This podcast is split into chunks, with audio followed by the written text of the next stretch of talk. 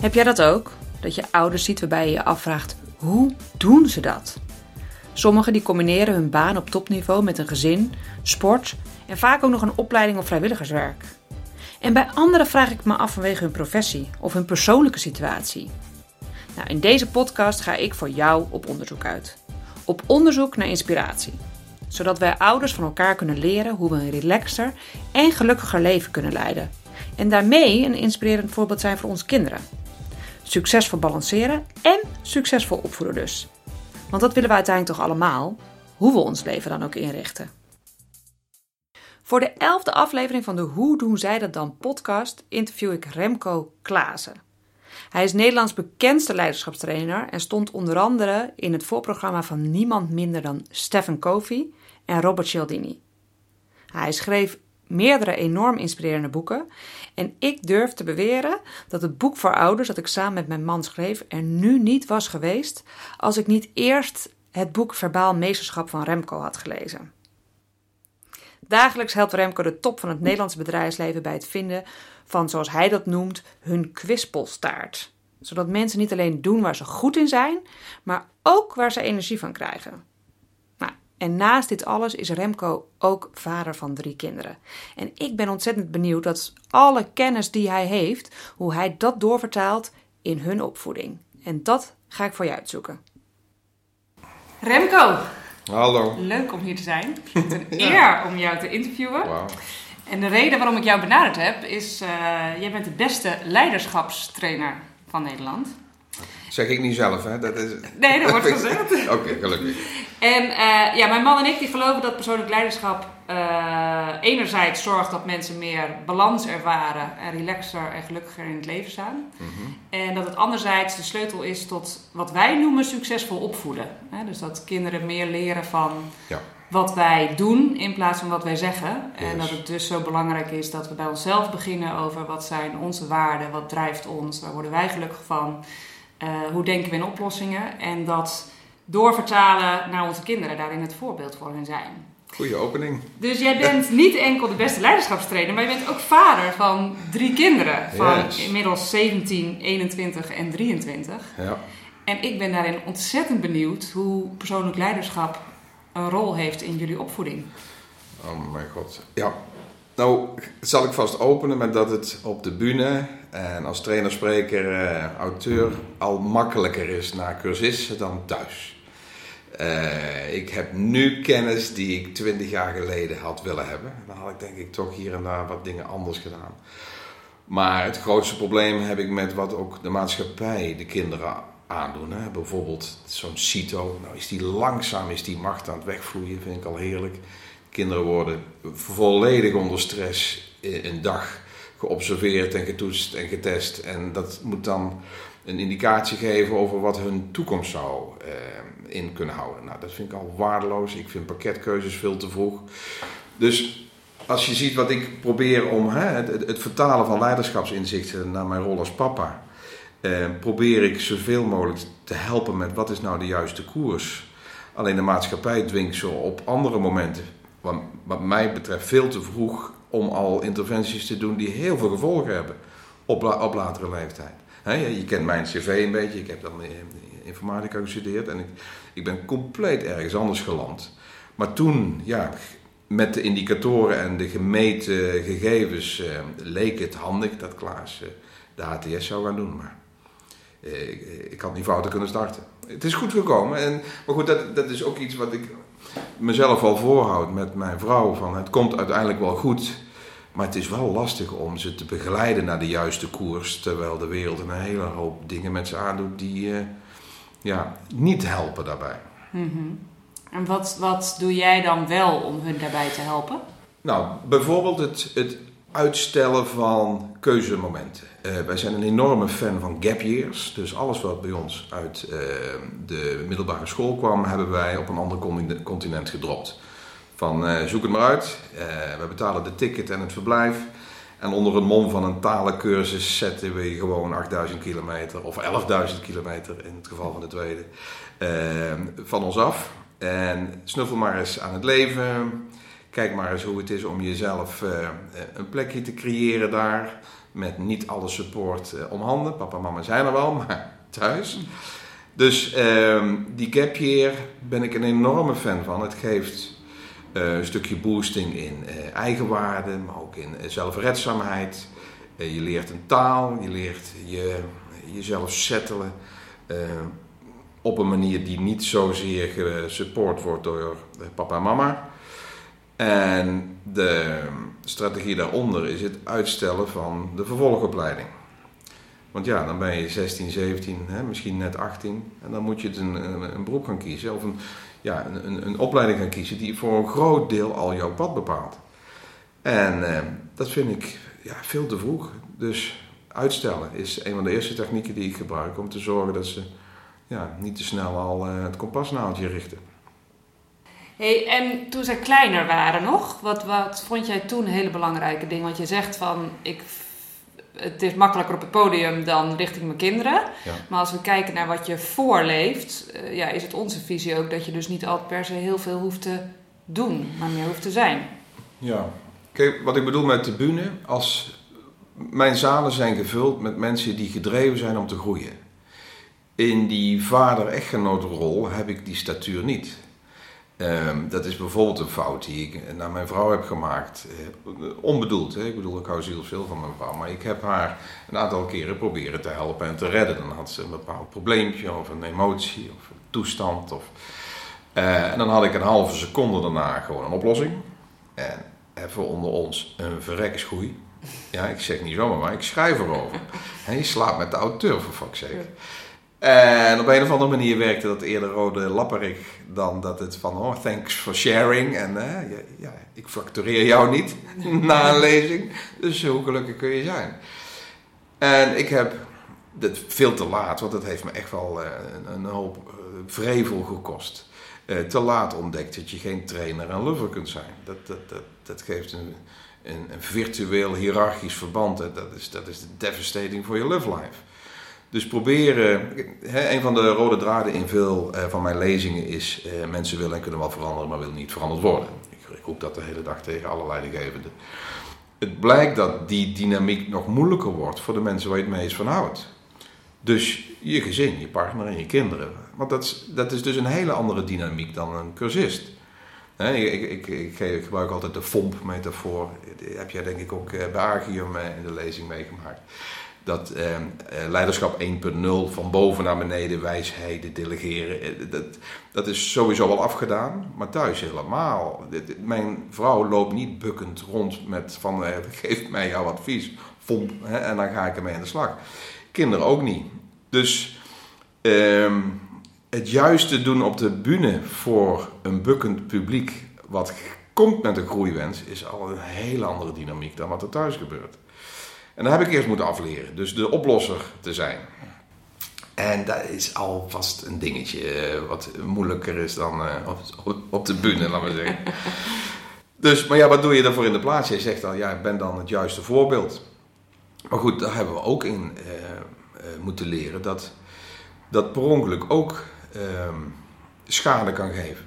Daar hebben wij een van de kinderen gemerkt dat die nogal opkijkt naar wat ik heb bereikt. En, dan heb ik met passie en talent en een hoop lol heb ik een bepaalde statuur bereikt in, eh, als ondernemer. Met bijverschijnselen, zoals andere huizen, auto's. En ja, je hebt lol en het gaat lekker. Maar niet in de gaten hebben dat dat een verwachtingspatroon schetst. En dat dat eigenlijk alweer eh, kinderen op een verkeerde manier eh, naar het leven laat kijken. Want dan, dan willen ze misschien voldoen aan van het succes van papa. Terwijl dat helemaal niks te maken heeft met hun groei. Kijk, ik had, als ik het twintig jaar geleden had geweten wat voor schade dat zou geven, ik heb geen idee wat ik wel had moeten doen. Ik bedoel, als het lekker gaat, moet, moet je al het, geld op zolder leggen en er niks mee doen. Maar gewoon het feit dat, dat je goed gaat, dat dat dus al een prestatiedrang geeft naar je kinderen, die zag ik even niet aankomen. Dus um, toen jij zei van ja, je moet gewoon uh, als voorbeeldfunctie uh, thuis. Uh, eh, gewoon het juiste doen. Ook dat is moeilijk. Want ik heb het het juiste gedaan voor mijn pad. Maar het heeft dus ook uh, ja, restafval gegeven in termen van onzekerheid naar de kids. En hoe ga je daar dan nu mee om? Want dat is natuurlijk inderdaad lastig om dat dan vervolgens weer... We veel erover praten. Dat de dingen die papa doet eh, eh, niet de standaard, sterker nog, enorm afwijken van eh, de norm. Ik heb het lef gehad om mezelf te ontslaan in een zeer luxe positie. Ik had een prachtige baan in een beursgenoteerd IT-bedrijf met alle EK en muntjes en leasebak. En op het moment dat je dan voor je passie gaat, omdat je voelt dat je leraar wil worden, dat is best, best wel een, een enge. Ja, zeker met wat ik toen allemaal had. Ook aan hypotheek, noem maar op. En, maar dat het daarna veel meer is geworden, was niet mijn insteek. Maar dat is wel hetgeen wat zij hebben gezien. En onbewust een beetje ook als een soort uh, lat voor zichzelf gaan. Hè. We moeten succesvol zijn, we, moeten, we willen graag voldoen. Zeker uh, het mannetje, die begon al heel vroeg gekke dingen te zeggen. Van ik wil ondernemer worden of ik wil miljonair worden. Nou, een mannetje van negen moet daar niet mee bezig zijn. Die moet met zand gooien en met een gescheurde spijkerbroek terugkomen. En dat moet het probleem zijn van de week. En niet een carrièreperspectief wat hij dan weer van papa ziet. Dus ehm, ook daarvoor geldt dat uh, een publiek makkelijker te vompen is. Uh, dan uh, zorgen dat je kroost op de juiste koers komt. Ik heb, misschien is dat wel leuk om te vermelden. De, waar ik enorm van geschrokken ben, was een onderzoek van een kinderpsycholoog over met name waarom mensen makkelijk in de external locus of control landen. Dus het gevoel hebben dat de wereld om hen heen bepaalt wat ze moeten doen. dus uh, interview iemand die niet gelukkig is en hij zal uh, eh, 9 op de 10 zullen zeggen: Vind je het gek met deze baas, met zonder budget, in dit land, met deze regering, met dit weer? Mensen hebben de neiging om naar buiten te kijken. Dat kun je verklaren, psychologisch, sociaal-psychologisch. En nou, een van de hoofdontdekkingen van zijn onderzoek was de correlatie tussen uh, push parents en low self-esteem. En push parents niet zozeer bewust van uh, keihard achter, je, de, achter de vodden van je kinderen aan zitten, maar gewoon succesvolle ouders. Die uit kettingen van artsen, chirurgen, rechters, advocaten, dus een soort familiedruk die je ervaart omdat papa en mama beide hoog opgeleid zijn en succesvol. En die persoon heeft daarbij een lineaire eh, verband gelegd. Dus de correlatie tussen succesvolle ouders en low self-esteem op latere leeftijd is, is lineair. Hij was zo geschrokken van het onderzoek dat hij zelfs uh, zelf als vader is gestopt met zeggen: doe je best. Wat toch een heel normaal zinnetje is aan het begin van de dag: hè, van doe je best. Zelfs dat geeft aan dat je uh, de kinderen eigenlijk traint om goed op te letten naar wat hoort. En wat hoort is dus de standaard, is wat zij hebben bereikt. Dus doe je best is, doe zoals wij en dan komt het goed. Hij is, uh, ik ben zijn naam kwijt. Hij zegt naar zijn eigen kinderen, en ik heb dat direct overgenomen vanaf dat moment, alleen nog maar dingen als veel plezier. Zorg goed voor jezelf. Uh, maak er een leuke dag van. En die zinnen zijn naar, uh, aan de hand van zijn onderzoek veiliger in het, uh, dat mensen, dat de kinderen meer gaan voor hun eigen geluk, dan dat ze de focus, misschien onbewust zelfs, leggen op wat anderen verwachten van je. Dus dat soort dingen. Maar goed, dat kwam voor mij ook een beetje laat. Daar ben ik nu veel meer mee bezig. Om uh, met name mijn zoon, want die andere twee zijn inmiddels lekker geland. Eentje werkt bij de Efteling, heeft het ontzettend naar de zin. Waar ik trouwens ook nog wel iets over wil zeggen. Want na het gap year was de oudste nog steeds uh, in van alles geïnteresseerd. Onderwijs was leuk, zorg was leuk, mode was leuk. Oh, dans, muziek. En toen hebben wij een klein beetje druk uitgeoefend, een klein beetje boel in de richting van ga dan maar naar de meest algemene opleiding. Dus wij hebben haar naar de NATV International Management gefompt, hotelschool. Oh, heb ik ook gedaan. Yes.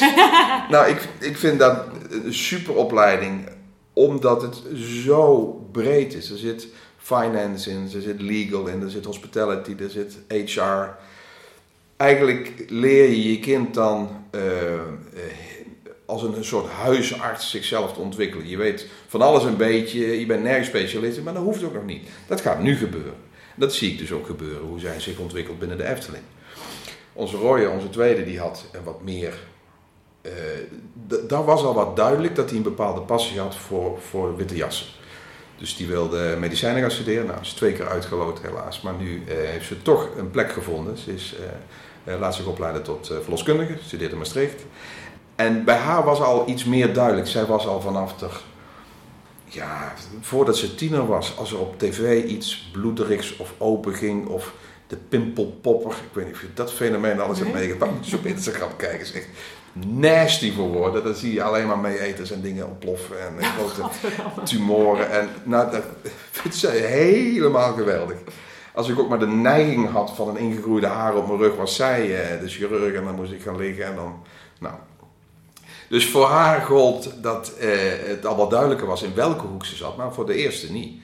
Dus die hebben wij eh, een beetje gedwongen richting zo algemeen mogelijk. Dus ehm, wat ik, ik, spreek mezelf een klein beetje tegen. Je moet ze eigenlijk leren om zoveel mogelijk inside-out. Het ontdekken van kwispel en passie en talent en dan zoveel mogelijk je koers kiezen.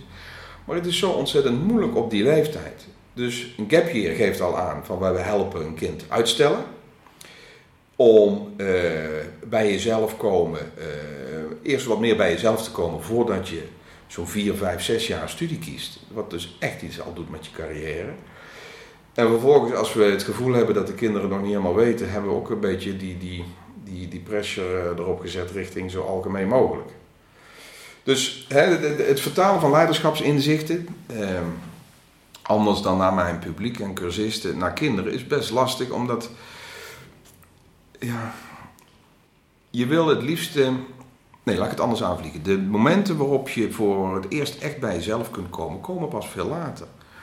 Um, een van de gasten waar ik nogal fan van ben is Dick Swaap. Die heeft ooit dus een, een, hersengebiedje ontdekt. Ehm, en hij heeft de correlatie gelegd met dat gebied en het voor het eerst uh, over de daggrens denken. Tot je 22e beweert hij, ben je eigenlijk een hormonale flipperkast die gedreven door met name onbewuste drives allerlei dingen doet en bezig bent met je piemel of met je puist of met oh, wat gebeurt er met mijn haar. En na je 22e komt pas uh, zoiets van hey, uh, mijn ouders kunnen dood, uh, ik heb eierstokken, what the fuck is happening in, in mijn lijf. En dat je dan eigenlijk pas een voedingsbodem hebt om te gaan kijken naar toekomst. Want dat is dus vreselijk hè, voor, ouders, dat je, rond de 22e zijn een hoop van die beslissingen al lang genomen. Je hebt je CITO overleefd, je hebt een pakketkeuze gedaan, sommigen zijn al afgestudeerd.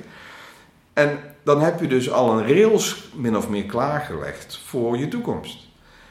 En als je er rond je 4, 5, 6, 27 achter, achter komt dat die rails helemaal niet matcht, ja, dan opnieuw gaan studeren is geen optie. Nee.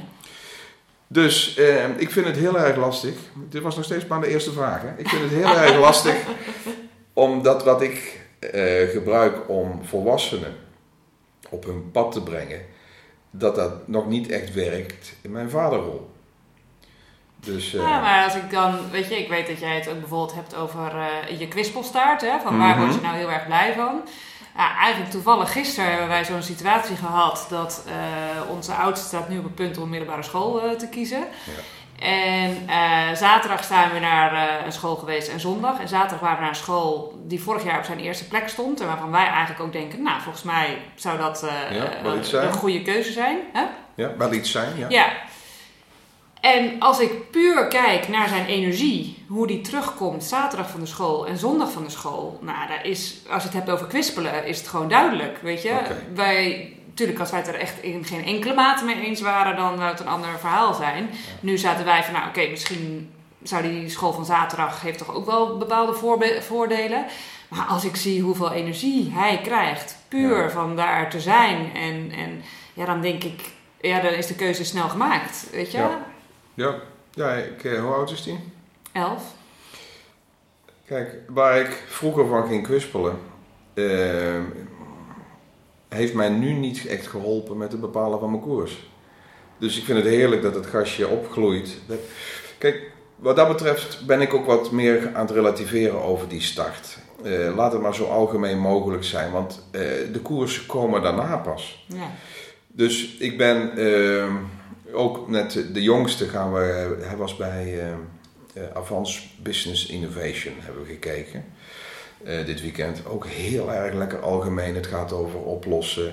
En eh, ondernemerschap en, en eh, creatie. Helemaal leuk. En ik heb zoiets als hij die eh, opleiding heeft, ook daarvoor geldt. Er zijn tientallen beroepspaden die nog kunnen.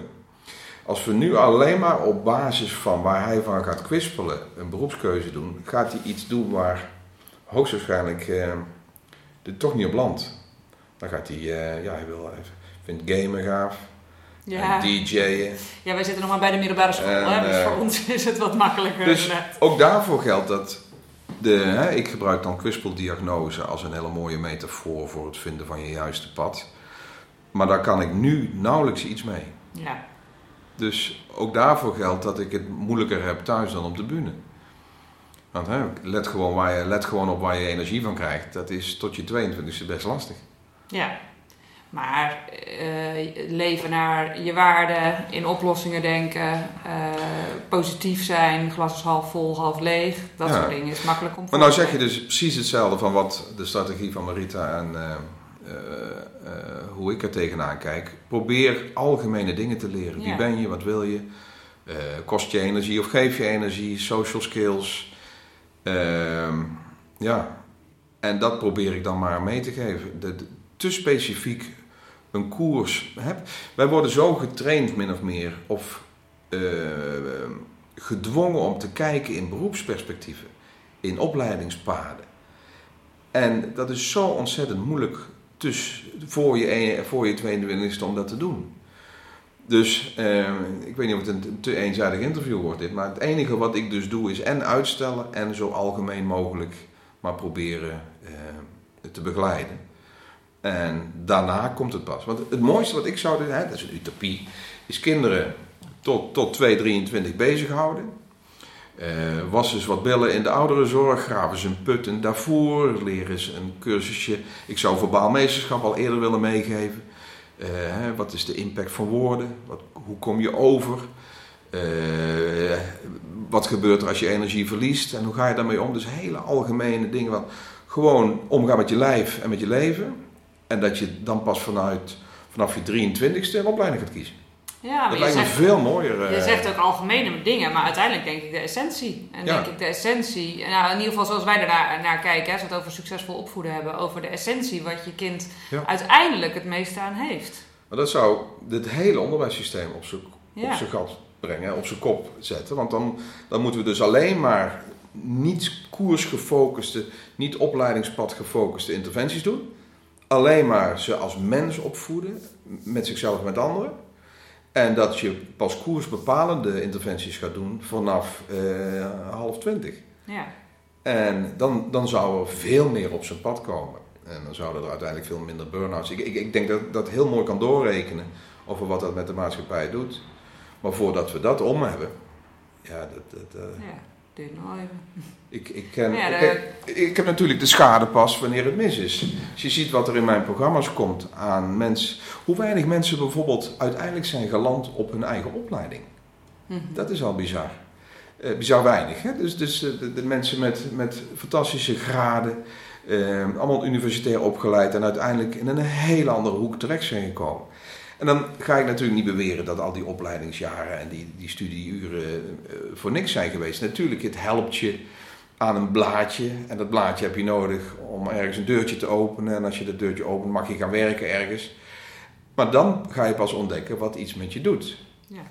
Dus het, lijkt wel of het ook een, een, een, niet te vermijden systeem is dat je eerst een blaadje moet scoren. Maar we, we, ik schrok van mezelf. We kwamen terug van uh, de open dag. En toen hadden Mariet en ik op een gegeven moment een, een, zo'n zin naar Joris van ja, uiteindelijk maakt het niet zoveel uit. Zorg maar, maar dat je dat papiertje haalt en daarna begint het pas. Maar dat is, ja, dat schrik je eigenlijk van, eh, waar zijn we nou in hemelsnaam mee bezig? Je pompt zo'n kind vier jaar lang in een systeem van dingen waar hij misschien helemaal geen zin in heeft. Als ik ook kijk naar mijn HTS-tijd, hoe ik dat heb overleefd, dat is echt niet meer normaal. jezelf in leven houden tijdens die lessen. Ik, ik, al mijn boeken en schriften staan vol met droedels en turflijstjes. Waarvan ik nu weet is dat dat een strategie was om wakker te blijven. Ik moest spelletjes spelen met de leraar. Eh, om, om, om wakker te blijven. En uiteindelijk gingen we thuis proberen met elkaar eh, de, de, dat wat we dachten dat we geleerd zouden moeten leren te herstellen. Dus daar ging je maar samen studeren. De, de, de, de, de avonden die ik heb geleerd met mijn vrienden toen, om te zorgen dat je uh, een zesje bij elkaar harkt aan compleet ineffectieve technieken, gewoon stoempen van de theorie. Dan braak je dat eruit de dag daarna. Het gaat volledig verloren. Maar ja, dan heb je dat, dat, dat puntje weer en dan kun je weer een stapje verder. Nou, dus, dus slaat gewoon, ik heb een diploma zonder een opleiding. Ik bedoel, ik ben Koen Fraude afgestudeerd. Het heeft, kijk, en daarna kom je, krijg je een deurtje door dat papiertje. Toen ben ik bij BSO begonnen en daar kreeg ik een opleidingsbudget. En toen kreeg ik langzaam, ging ik studies kiezen uit mezelf. En toen is het oké geworden. Ik weet niet of dat te maken heeft met mijn groeigen. Ik vind het heerlijk om nieuwe dingen te ontdekken. Maar een hele hoop mensen komen er dan pas achter van, dit is het helemaal niet. Waar ben ik in hemelsnaam mee bezig? En die hebben dus niet dat groeigen. En die verzanden langzaam in een energieloos bestaan. Totdat een burn-out ze moet redden. Uh, om eens te gaan kijken van wat dan wel. Ik noem burn-out bewust een redding. Want sommigen hebben gewoon ijskoud een hamer nodig. Om dus dusdanig wakker te worden om je leven eens een keer serieus te nemen. Dus ik heb de vrolijke variant gehad door altijd te blijven zoeken dat ik steeds meer mezelf heb ontdekt. Maar de meesten blijven daar vastzitten. En dan kun je dus herleiden naar het uiteindelijk. Uh, we zijn begonnen vanuit een verkeerd platform. Omdat je vader arts was, of advocaat, of dat een CITO iets tegen je zei, of je hebt een of andere dwaze test gedaan. Ik zag dat jij een disc coach bent geweest, of een, uh, Human Dynamics, of een, wat hebben we, Enneagram, Big Five, Low Six. Er zitten mensen te kijken naar je gedrag en dan proberen ze een identiteits giswerk uh, labeltje op. Oh, ik ben een ENVJ. Ja, dat was helemaal sales. Totdat ik in de sales zat en helemaal kapot ging. Dus al dat geklungel. Ik heb een redelijk scherpe mening over dat soort assessments en 360 graden feedfompjes. En ik, eh, eh, mensen moeten bewust worden van wat iets geeft aan energie of wat iets kost. En ja, dat gaat niet voor je 22e volgens mij. En zeker niet op zo'n eh, op zo'n HTS. Een beetje een zuur beeld, hè? Ik zie je langzaam wegkwijnen. Bent... nou, ik heb een andere vraag aan jou. Want je hebt in het voorprogramma van Stephen Covey uh, gestaan. En ja. nou weet ik dat Stephen Covey heel erg fan is van gezinsmissies. Ja. En jij bent in ieder geval fan van missies. Ja, en van Covey. Ja. Uh, en van Covey. Ja. Dus ik ben benieuwd, hebben jullie dan ook voor jullie gezin ja. een missie? Ik, uh, ook daarvoor gold, dat is misschien ook wel een spannende introspectie, dus kwispeldiagnostiek is geweldig. En introspectie moet je omzetten in directie. Dus eigenlijk is uh, de basis van leiderschap heel simpel. Je, je gaat je kwispelstaart vertalen naar je kompasnaald. Maar dat zijn uh, groeitools. Ook daarvoor gold dat ik een missertje heb gemaakt naar mensen in mijn omgeving. Laten we in dit voorbeeld mijn vrouw uh, nemen. Die had op een gegeven moment een, een, een, gaf ze tekenen van low self-esteem. Ze zat niet lekker in de vel, weinig energie en had het gevoel dat ze stil stond en ik bleef maar groeien. Nou, ik kan me nog wel iets bij voorstellen. Ik heb een zeer zichtbaar beroep. Ik kom thuis met bloemetjes en flessen wijn en het lezingencircuit. Dan krijg je altijd een lekker fompje mee en een applaus en Twittervolgers. En, dus dat is zichtbaar succes. Ik vond haar net zo succesvol in de rol uh, thuis. Maar dat had dus geen weerslag op haar eigen waarde. Sterker nog, ze had het gevoel dat ze. Nou, dus ik ben gaan, uh, haar gaan bestoken. Nou, we gaan kwispeldiagnostiek doen. Dat leuk. Maken we een mission statement, help ik je daarbij. Totdat ik ontdekte dat, uh, dat groeitools zijn. Sommige mensen moeten eerst een aantal dingen eerst ontdekken of ruimen voordat ze kunnen groeien. Ik had een. Uh, ik weet niet wie dat was, een trainer of een, een, spreker, die had de, de metafoor van het, het ander kleurtje geven van de zolder. Stel je wil je zolder een beurt geven. Um, dan moet je dus eerst gaan ruimen en uh, stofzuigen, en spinnenwebben en schuren en primen. En dat was kleurtje. En ik heb mijn vrouw en soms ook mijn kinderen geadviseerd welke kwasten en wat voor soort kleur. Terwijl er eerst geruimd had moet worden. Dus dat is ook weer een dingetje wat voor mij dus thuis moeilijker was dan op de bühne. Op de bühne hebben mensen al een groeivraag en dan vond ik lekker door. Ik heb mijn vrouw bijvoorbeeld eh, met van hey, we gaan een mission statement. Dat was niet haar De timing was co- compleet druk. Zij moest eerst een aantal dingen ruimen in haar verleden en I don't know wat allemaal. Eh, ik weet wel wat, maar dat is niet goed Ja. leuk voor het. eh. En ik kom dan aan met mijn, eh, met mijn enthousiasme. We gaan een mission maken. Dus sommige mensen hebben wat therapeutische eh, stappen te maken voordat ze groeistappen kunnen maken. Dus ehm, ja, wij zijn bezig met mission statements. Ja, we maken vision boards. Ja, we hebben gezinsregeltjes. Vanuit de missie kun je leefregels maken. Ehm, maar daarvoor moest in- bij een aantal leden eerst wat anders gebeuren. En ook daar heb ik dus weer een fout gemaakt. Door ze min of meer als een cursist te behandelen, in plaats van te kijken van wat er is er helemaal aan de hand. Dan ga je mensen mooie potten verf adviseren, terwijl ze eerst moeten ruimen. heb je ook nog vragen waar ik kan zeggen dat ik iets goeds heb gedaan? Ja, die heb ik zeker. Want ik, eh, ik weet dat jij eh, en je vrouw al tien jaar lang Yes, in relatietherapie Yes. eh, zijn. Oh, dit is en leuk. al 35 jaar samen? Ja, we zijn dit jaar, nee, eind vorig jaar, december, waren wij 25 jaar getrouwd. Dames en heren, mag ik ook een roffel?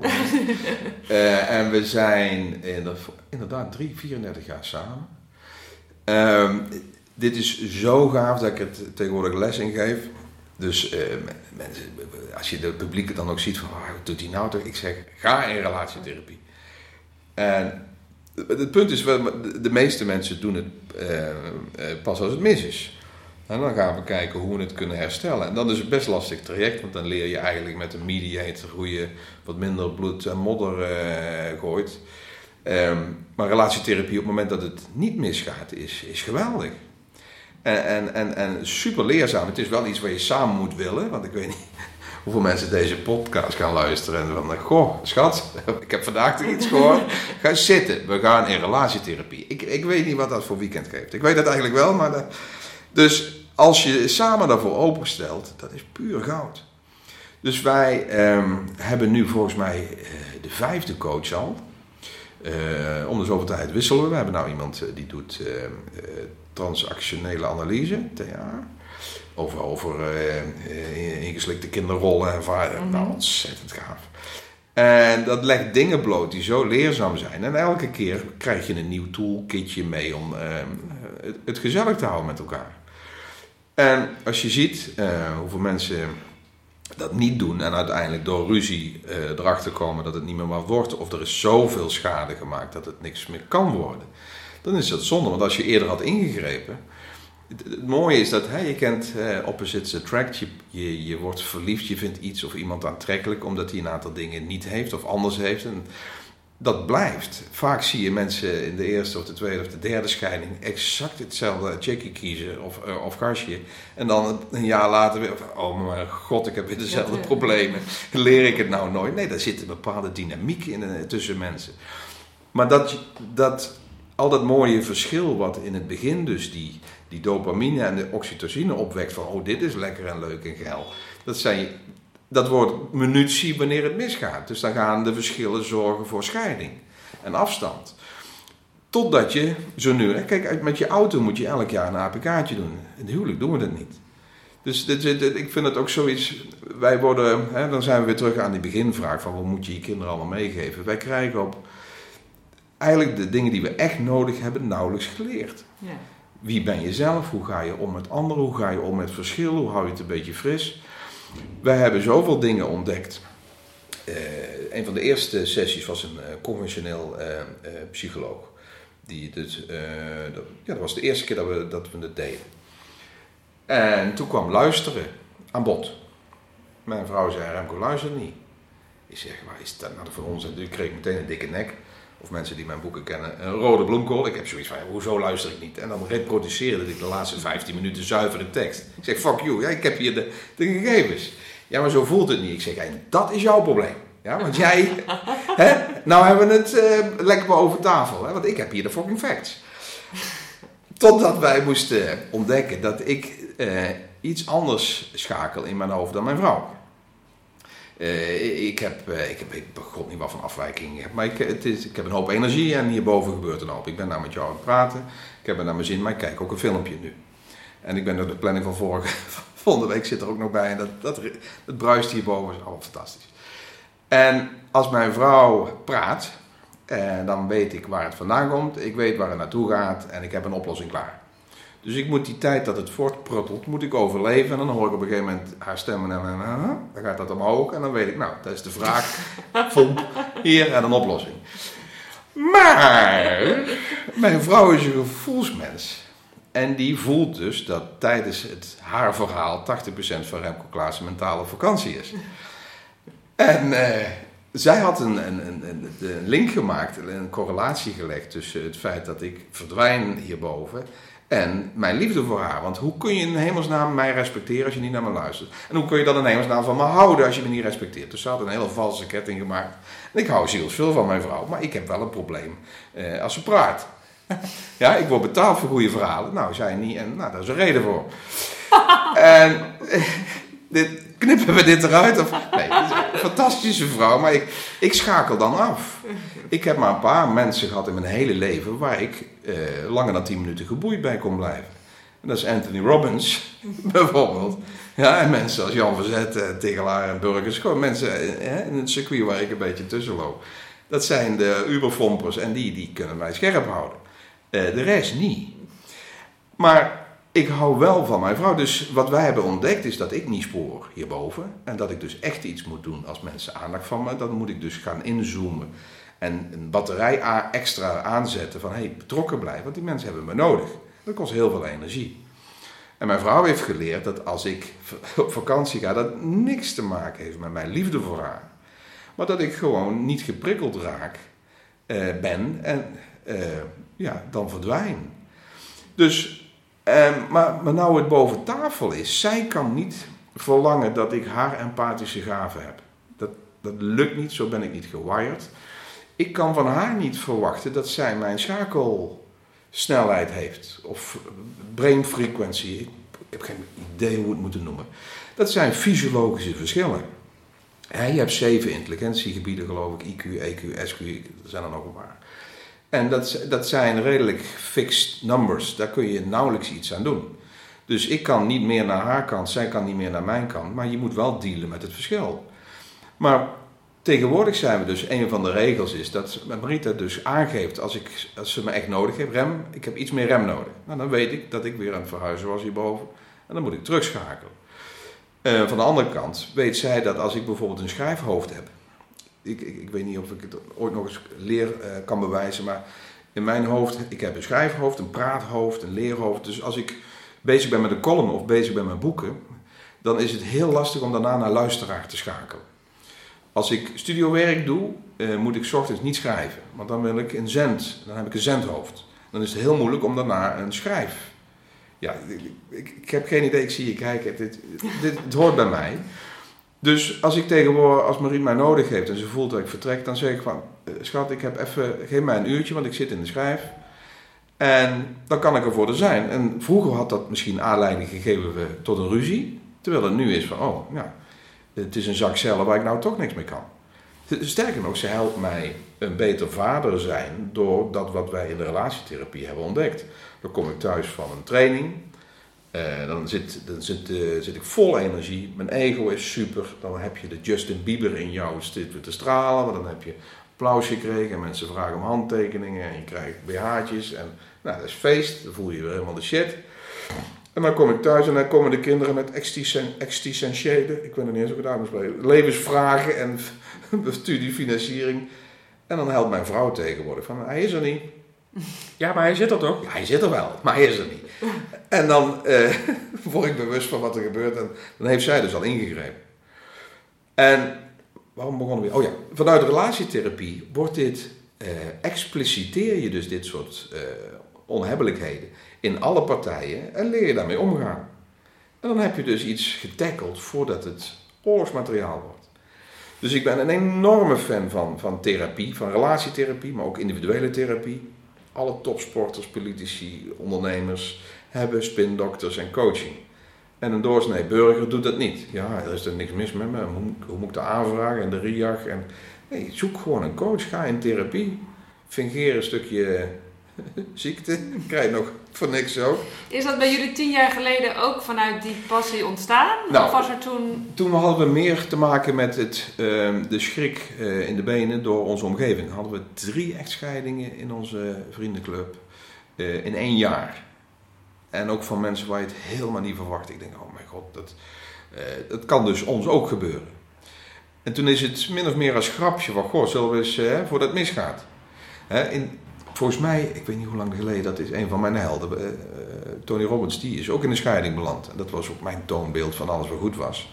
Omdat hij ook alles wat goed was verzameld had en daarover praat. Hè, Tony is geen, geen goeroe, maar hij heeft veel goeroes leeggezogen. En is een goeroe geworden. Maar, geweldig.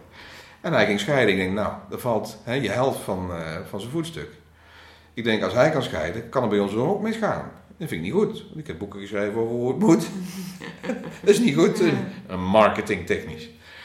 En eh, nou, voor het een kwam het ander en eh, we stonden er beide open voor. En eh, toen zijn we aan de gang gegaan. Ja, het is één groot feest. Ja. Als je één ding wil onthouden van deze hele podcast, ga je in relatietherapie.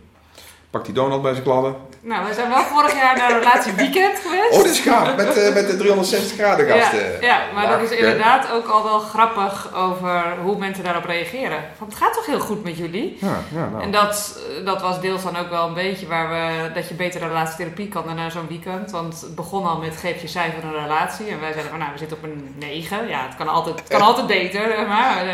Eh, Dus een 9.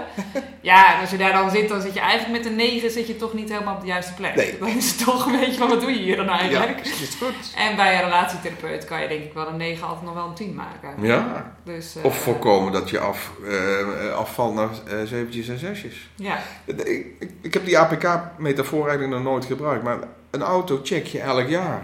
Om, en dat is niet om wat er is gebeurd, maar omdat je nog een jaar wil rijden. ja. Waarom doen we dat niet? Kijk, fysiek doen we het wel. Althans, da- daar hoop je op, hè, dat mensen hun lichaam blijven checken. Ja. Wat ook niet altijd gebeurt. Nee, of eigenlijk niet. Nou, dat- ook dat is weer een metafoor. Als je te lang wacht met checken, dan heb je dus misschien schade die niet meer te herstellen is. Ja. En dat, heeft, dat is exact hetzelfde, sociaal gezien. Dus ik, eh, ik ben een fan. Ik moet, eh, relatietherapie moet eh, preventief in het, zie- ziekenfonds, dat bestaat niet meer, in de, moet, in de zorg, moet verzekerd worden. Ja. Want wat er daarna allemaal gebeurt, dat kost veel meer duur. Ja. Qua geld, financieel gezien. Hè? Dus- Ja, helemaal eens. Hey, heb jij een tip voor onze luisteraars hoe zij werk en privé makkelijker kunnen combineren? Want eh, ik merk veel dat, dat werkende ouders het lastig vinden om alle ballen in de lucht te houden. Ja. Ehm, en ik ben benieuwd met al jouw Ja. kennis of je een tip voor ze hebt. Ik, het is een hele klinische, maar hij blijkt wel te werken. Althans bij ons. Dus het is niet heel empirisch onderzocht. Eh, lol moet je ook plannen. Het, het, het, het klinkt echt wel hè, dat, dat je bijna op een zakelijke manier je levensgeluk ook eh, in je agenda moet proppen.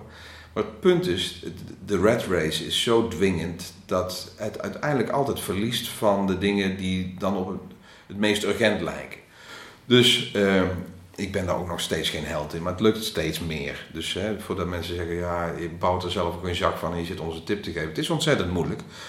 Maar eh, eh, wij leren elkaars agenda's te screenen op gaten en dan gewoon iets in te plannen. Of lunch, of, of gewoon dat je echt zegt, maak een afspraak zoals je met een klant dat doet. Want dan wil je ook dat het doorgaat en dat, het, dat je voorbereid bent en dat het dus effectiviteit geeft. En dat is dus eh, ja, eh, een van de tips die voor ons werken. Eh, gewoon ook lol en samenheid. Het is niet zo dat je, ja, vrijdagavond 8 uur, dan kunnen we lekker eh seksen. Dat eh, lijkt me een gaaf moment. Sommige dingen lukken niet. Ja, zou ik wel willen. Ik zou tegen Staat wel in ons boek, hè? Ja? Plan, plan seks. Plan seks. Oh, wat gaaf. Oh, wat gaaf. Ik ga er nog meer gaten. eh, gaten? Wat ga ik nou doen? Nee. Dus eh, ja. Eh, de week is om voordat je het weet. Er zijn zoveel krachtenvelden. Je hebt zoveel rollen. Hè, vader, zoon, broer, zus, vriend. Iedereen zit aan je te trekken. En eh, het zou zonde zijn dat je eh, vergeet voor jezelf te kiezen. Ik had vorige week... Oh, wie zei dat nou? Als je alles wil zijn voor iedereen, ben je uiteindelijk niks voor niemand. Vond een hele gaaf. Ik weet niet, volgens mij had hij van Jan van Zetten gejat. En mensen die makkelijk zichzelf weggeven voor anderen, eh, waarderingsgevoelig dienstbaar zijn, zoals heel veel mensen, Ehm, die hebben de valkuilen om, om zichzelf hè, eh, continu weg te geven aan alles en iedereen. Maar dan jezelf en je meest eh, belangrijke relaties, vrouwen en kinderen, weer te vergeten. Of je propt het in het weekend. En dan moet je eerst chauffeuren en dan je moeder trekt nog aan je, je vader, je schoonmoeder. Leef je nog? Ja, en dan eh, zondagavond kom je erachter dat het weekend weer voorbij is. En dan heb je elkaar alleen maar een keer, hoi schat, dag schat, kus en dan is het weer klaar. En dan is die verplichte seks op die zondagavond, is dan ja, is, dan, dat is het dan net niet. Ja, voor mij wel trouwens. Maar, voor mij, voor mij mag het ja, dus hoe vaak je, want dat is inderdaad vaak een van de vragen die ik stel, dat mensen, maar dat ook richting hun kind en, en ook richting hunzelf, dat ze niet op hun tachtigste denken, jeetje, had, had ik, maar. maar. Ja. En dat is... Uh... Lastig hoor. Maar goed, daar vond ik die eerste vraag, die heb ik volgens mij veel te lang over gedaan om te antwoorden. Maar er zit zoveel in.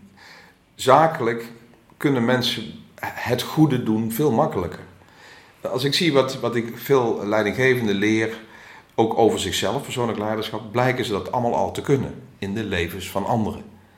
Dan komen ze binnen bij een bedrijf en hebben ze haar fijn in de gaten wat daar de behoeften zijn. Dan hebben ze een prachtige oplossing voor. Werken dat fantastisch uit in allerlei systemen en, en, en, en stappen.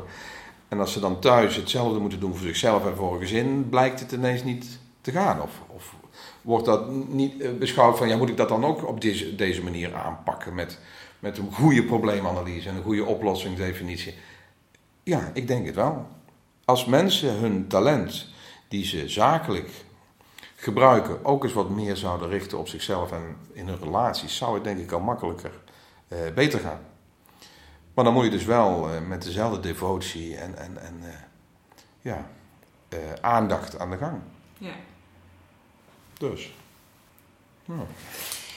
Remco, ik heb een paar vriendenboekjes vragen. Oh mijn god, wat is dat dan? Oké. Nou, dat, je mag ze gewoon beantwoorden. Okay. het leukste dat ik samen met mijn kinderen heb gedaan is? Reizen. Ja. Oké. Heel veel reizen. Mijn kinderen hebben me geleerd dat. Oh mijn god. Ik heb geen idee. Je krijgt mij stil, zeg. Is dat wat kinderen hebben mij geleerd? Ik denk dat het nu moeilijker is om jezelf te worden. Er zijn zoveel meer dimensies aan verwarring. Social media die bepaalde latten legt over hoe je eruit moet zijn en wat succes is. Al die, die ameubes zoals een boefje en een Famke Louise's die dan met bling bling die kinderen probeert te bestoken. Alle vrouwen die zichzelf oppompen in allerlei wie zag ik nou gisteren weer op tv? Ik denk, waar is dat voor gochel? Bij heel Holland Bakt was ook zo'n beetje. Ik denk, je ziet er niet meer uit. Het lijkt 30. Je ziet aan je hals en je handen dat je 60 bent. Uh, je raakt helemaal in de war als man, maar je blijft unfuckable. Blijf van die shit af, word respectabel oud. Dus, maar goed, dat zijn allemaal signalen die onze kinderen meekrijgen over hoe het zou moeten. Een van onze kinderen vond zich te dik dit weekend. Die, die, pap, eh, doe mij maar South Beach koken. Dus iets minder koolhydraten. Ik zeg, waar? De, lijntje. Maar dan had een of andere, andere muts had zichzelf geëdit op Snapchat of Instagram. En oh ja, ik heb daar ook wel een... Ik, fuck you, pak die rijst. En wat zit je nou te doen? Je bent... Dus, en dat had ik vroeger niet. Ik, eh, ik denk dat het nu lastiger is om... Ehm, de vraag was, wat heb je van je kinderen geleerd? Het is wel een zure dit. Dus ik heb geleerd dat, het, dat ik moet uitkijken met van ja, kies nou maar gewoon wie je bent en wat je wil en dan gaan we aan de gang. Het is denk ik moeilijker nu. Zoveel verwarring, zoveel... Maar dus denk ik, of tenminste dat is, dat is onze visie, dus denk ik dus belangrijker om je kind daarop te sturen, op, op eigen waarde. Ik denk dat, ja, persoonlijk leiderschap, en dingen hè, waar Covey het ook altijd over had. Het ontdekken van de circle of influence. Waar heb je macht over en invloed op. En, eh, en je daarop richten. Wordt moeilijker.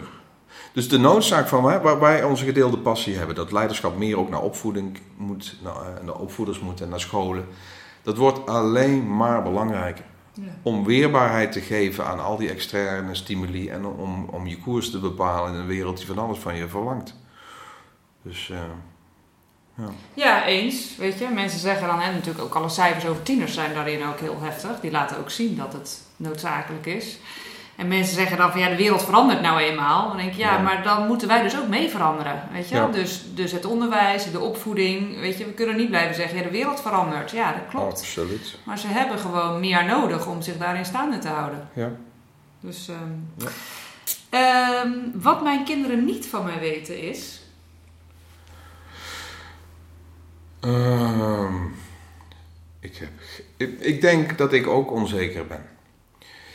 Kijk, als, de, zeker in mijn beroep, dat heeft een bepaalde stoerheid. Hè? Je komt in het theater en er zitten een paar honderd man en dan eh, eh, zonder zweet, snor maak je daar een hoop lol en je zegt ook nog nuttige dingen. Dat kan als eh, kan lijken dat ik overloop van zelfvertrouwen, terwijl ik net zo hard als iedereen behoefte heb aan applaus en waarderingen en een keer horen waardoor je het goed. En dat ik nog steeds moeite heb met, eh, stel dat er een training is en ik krijg 9 en 10 en één baalt van, die geeft mij een 6 of een 7, dan neem ik die 6 mee het weekend en dat is heel sneu. Gisteren was er leuk, eh, Roos Vonk had iets gedeeld, volgens mij op Twitter, over onderzoek dat mensen die overlopen van zelfesteem enorm onderschatten hoeveel ze het nog nodig hebben, de waardering van anderen. En dat blijft dus. En ik denk dat ik. eh, ik doe daar heel erg best veel aan. We hebben heel veel open gesprekken. We zijn heel kwetsbaar thuis. Ik jank ook op niks. Dus ze zien een hele emotionele vader. Ik bedoel, een gebroken cracker kan mij al breken. Ja, een idols auditie zit je te sproeien. Nou, dat is heel zielig. Dus ze weten dat ik eh, een gevoelige gast ben. En dus dat, dat, ik denk dat ze ook wel voelen dat dus eigenwaarde een, een, best iets is wat, wat nooit... Het werk houdt nooit op. Je bent in mijn beroep net zo succesvol als je laatste optreden. Daarna ben je gewoon weer Remco Bloody Klaas en, en, en papa en, eh, en dan moet je weer aan de bak. En je moet dus blijven werken. Hoe zit je in je vel? Wat kun je doen om op koers te blijven? En heel veel werken aan het eh, geven van energie aan anderen. Want als anderen blij zijn met je, word je teruggevraagd. En dan voel je je gewaardeerd. En waardering is volgens mij een van de belangrijkste componenten van geluksbeleving. Dus wat zij denk ik te weinig van me weten, is dat ik net zo onzeker ben als zij. En daar gewoon ook elke dag eh, mee struggle. Dus. En je zegt ik ben heel erg open. Is Ja. er dan een reden dat, dat ze dit niet van je weten? Nee, er, moet een aanleiding voor zijn, denk ik. Ik, eh, ik, ga niet, ik kom niet binnen van, oh, weten jullie wel dat papa ook onzeker is? Kom niet over. Kom ik daaraan met een dikke bak, eh, met een fles wijn, heb ik net weer gescoord. En dan zeg ik, ja, gast, je zit nou iets te vertellen om ons iets te leren. Dat komt niet over. Dus ik, ik- misschien is daar gewoon nog geen aanleiding voor gelegd. Misschien moet ik het gewoon eens proberen van, hé, weten jullie wel dat papa ook twijfelt? Ehm, ik weet het niet. ja, ik ga er eens over nadenken. Wij zeggen het gewoon. Ja, Dus, ja, ja. eh, dus misschien inderdaad gewoon eens Ja. proberen. Dus eh, krijg je ook namelijk, wel- wat wij dan krijgen zijn echt hele lieve briefjes nou, met name mijn dochter die dan mama, ik weet dat je het kan en ik ben zo trots op je en Oh, ik zal er heerlijk. altijd voor je zijn en je bent al goed zoals je bent. Gaat ze Serieus? Dan, gaat ze dan briefjes Oh, wel. Dan heb ik een therapeut ja, nodig. Dus is, eh, ja, het is heel leuk om die onzekerheid te delen met je kinderen. Ja. Dus, eh, ehm, je gaf een aantal keren, oh ja, jeetje, eh, dingen die je lastig vindt in het ouderschap. Maar ik heb dan de vraag, ik ben een goeder ouder omdat. Ik denk dat wat ik het meest automatisch, dus onbewust goed doe, is eh, lol maken. Ik heb eh, een enorme behoefte om, om eh, te lachen.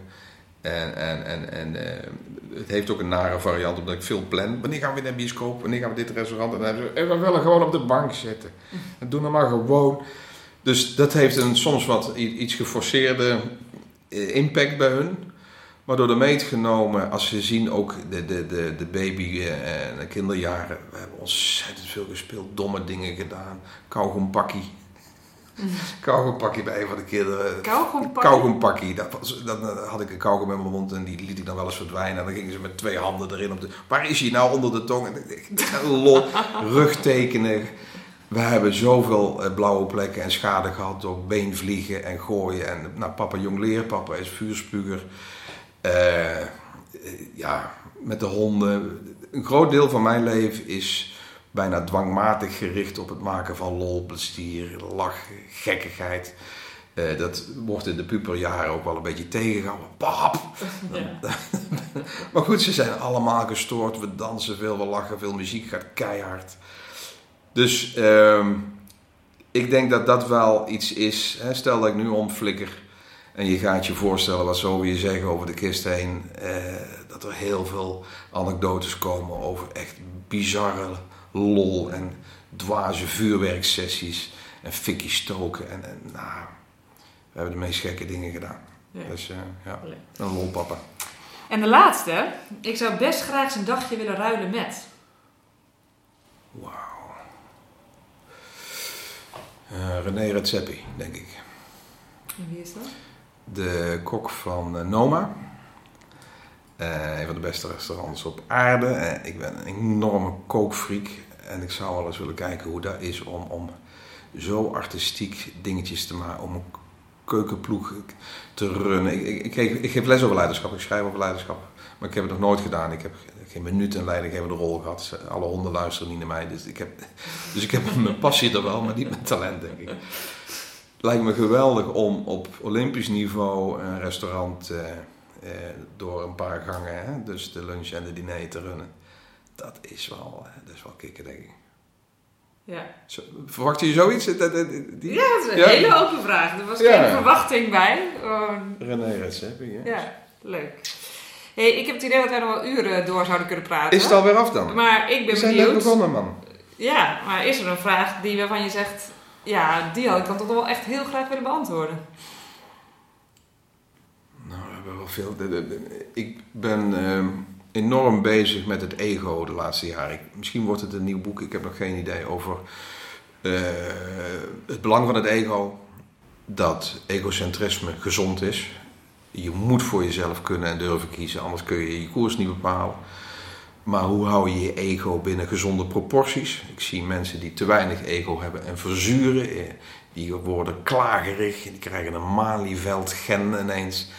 En dat heeft te maken, denk ik, met te weinig ego. Te lang niet voor jezelf hebben gekozen en te lang op een verkeerde koers. Uh, mensen raken dan van nature meer external locust weer en dan gaan ze de hele omgeving de schuld geven.